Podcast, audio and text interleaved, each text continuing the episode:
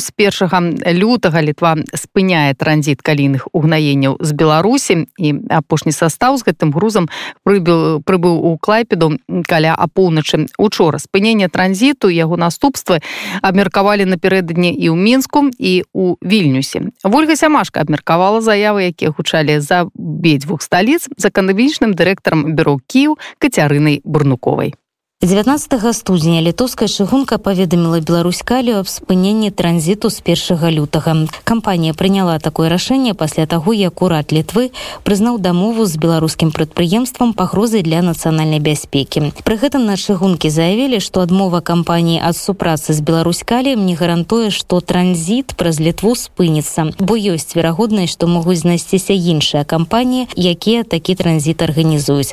І сапраўды кампаніі, якія захацелі імперы перавозіць беларускі калій знайшліся але ім адмовілі ў такой магчымасці спасылаючыся ўсё на тыя ж інтарэсы нацыянальнай бяспекі напярэдадні прэм'ер-міністр літвы інгрыда шаманіта каментуючы сітуацыю заявіла што юрысты дастаткова старанна ацанілі рызыкі скасавання дамовы літоўскіх чыгунак з беларускім вытворцам і экспарцёрам угнаеннем Беларусь калія паводле слоў шаманіты зварот беларускага вытворцы ў суд гэта нармальная паводзіна галоўная праблема ў гэтай сітуацыі пытанне рэпутацыі рэпутацыі.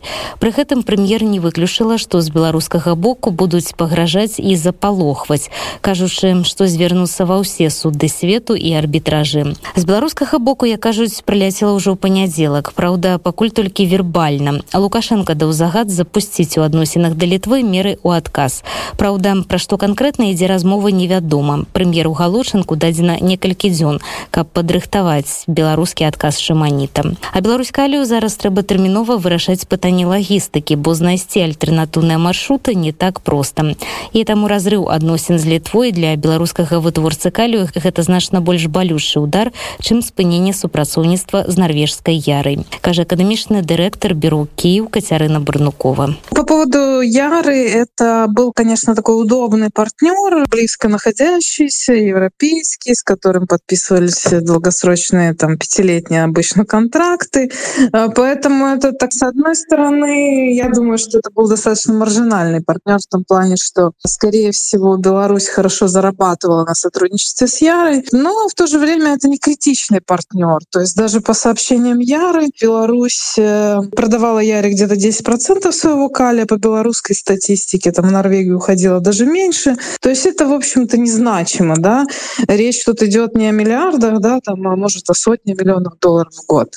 То есть это не столь принципиально принципиально. И это было больше значимо как такой сигнал, что даже не санкции работают, да, а политическое давление работает. И это тоже сигнал другим партнерам Беларусь Кали. Не знаю, что они прямо вот сейчас откажутся от сотрудничества с ним, но, в общем, они это, конечно, считывают как усиление своей рыночной силы, да, то есть что у Беларусь Кали, в общем-то, вариантов остается все меньше, условно говоря. То, что произошло с Литвой с перекрытием транзита, это гораздо более серьезно, потому что практически весь белорусский экспорт э, калия шел через Литву, через литовскую железную дорогу, через литовский порт и затем экспортировался достаточно дальним потребителям Бразилии, Индии, Китаю. И теперь, конечно, возникает большой вопрос, как сможет ли Беларусь каким-то образом найти альтернативный путь транзита калия. Вот. И, естественно, сразу первое в голову приходит Россия, но есть объективные причины полагать, что по крайней мере, судя по тому, что Россия вот не горит желанием сообщить тут же, что а, Россия сотрудничает, да, помогает Беларуси с транзитом, то есть Песков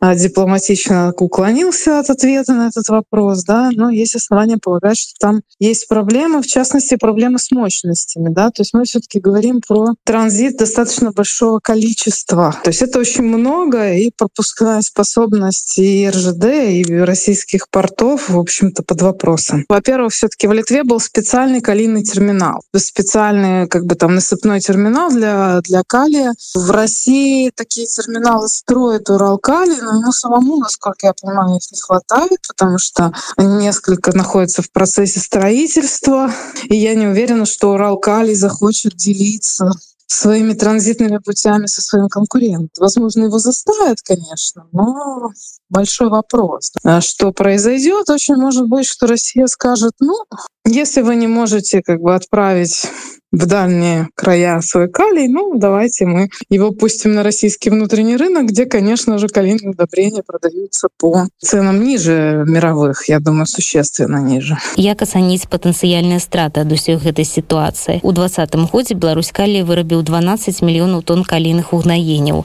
Больш за 10 мільёнаў з іх пайшлі на экспарт і прынеслі кампаніі амаль два з паловай мільярды долараў. Хутчэй за ўсё зараз Беларусь калі ўсіх сваіх кліентаў не страціць, бо працуе на такіх такіх рынках дзе рэпутацыі могуць грэбаваць але прафіт з гэтага мець кацярына барнукова ацэньвае страты беларускага вытворцы больш чым у мільярд долларов мы например год назад услышали там по-моему в декабре ну, по в конце двадцатого года был подписан новый контракт с китайскими потребителями был подписан год вот сейчас мы что-то как-то ничего про новые контракты с китайцами не слышим возможно это держится в секрете да возможно и переговоры проходят не так ровно, как хотелось бы, потому что, ну, во-первых, китайские потребители понимают, что сегодня Белкалий не может гарантировать доставку товара. То есть э, нет гарантии, что подписав контракт, Беларусь Кали сможет доставлять. Плюс э, все-таки санкции делают его достаточно токсичным. И тут,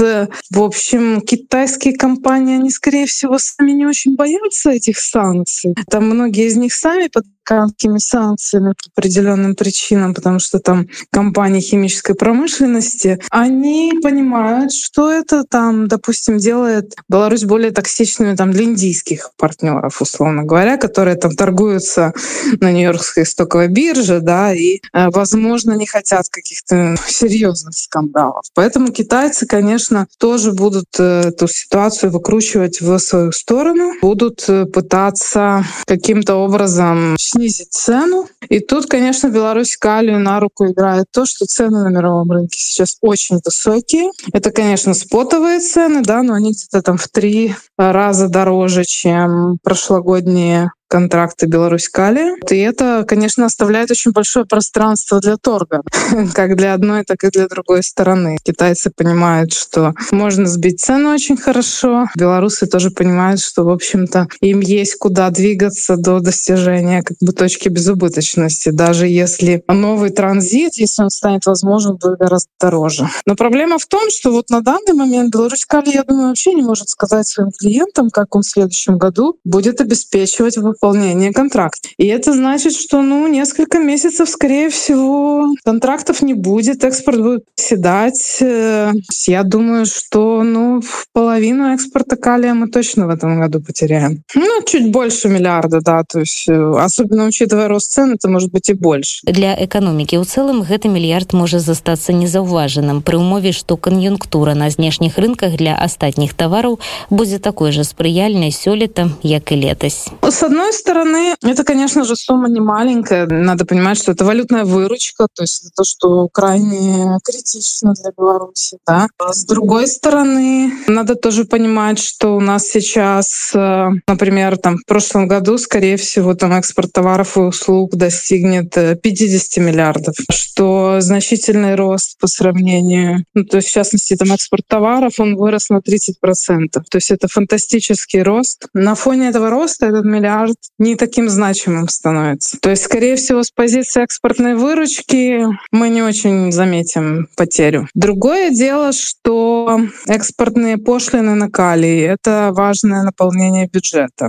Прибыль калия тоже идет там всякие внебюджетные фонды государственные. По госбюджету это все-таки заметно ударит. Ну, и это может, собственно, на работниках предприятия и, в общем, на экономике Солигорска сказаться, да, но на уровне экономики всей страны, я думаю, эффект будет не очень заметен. По крайней мере, если у нас, да, если у нас не начнется общий какой-то кризис общемировой, да, и у нас не упадет спрос на наш экспорт. Калі браць агульны па рынку калійных ухнаенняў, то цены на ім прагназуюцца высокімі сёлета. Як мінімум такая тэндэнцыя захаваецца до конца красавіка, кажуць аналітыкі аналітыкі прычым адной з пагроз для калійнага рынку і прычынай высокіх цен яны называюць магчымае зніжэнне аб'ёмаў экспарту з беларусі Я нагадаю што гэта была моя калега ольга сямашка якая абмяркоўвала наступствы спынення транзіту беларускага калія праз літву з акадэмічным дырэктарам бюрок кіяў кацярынай барнуковай світанак свабоды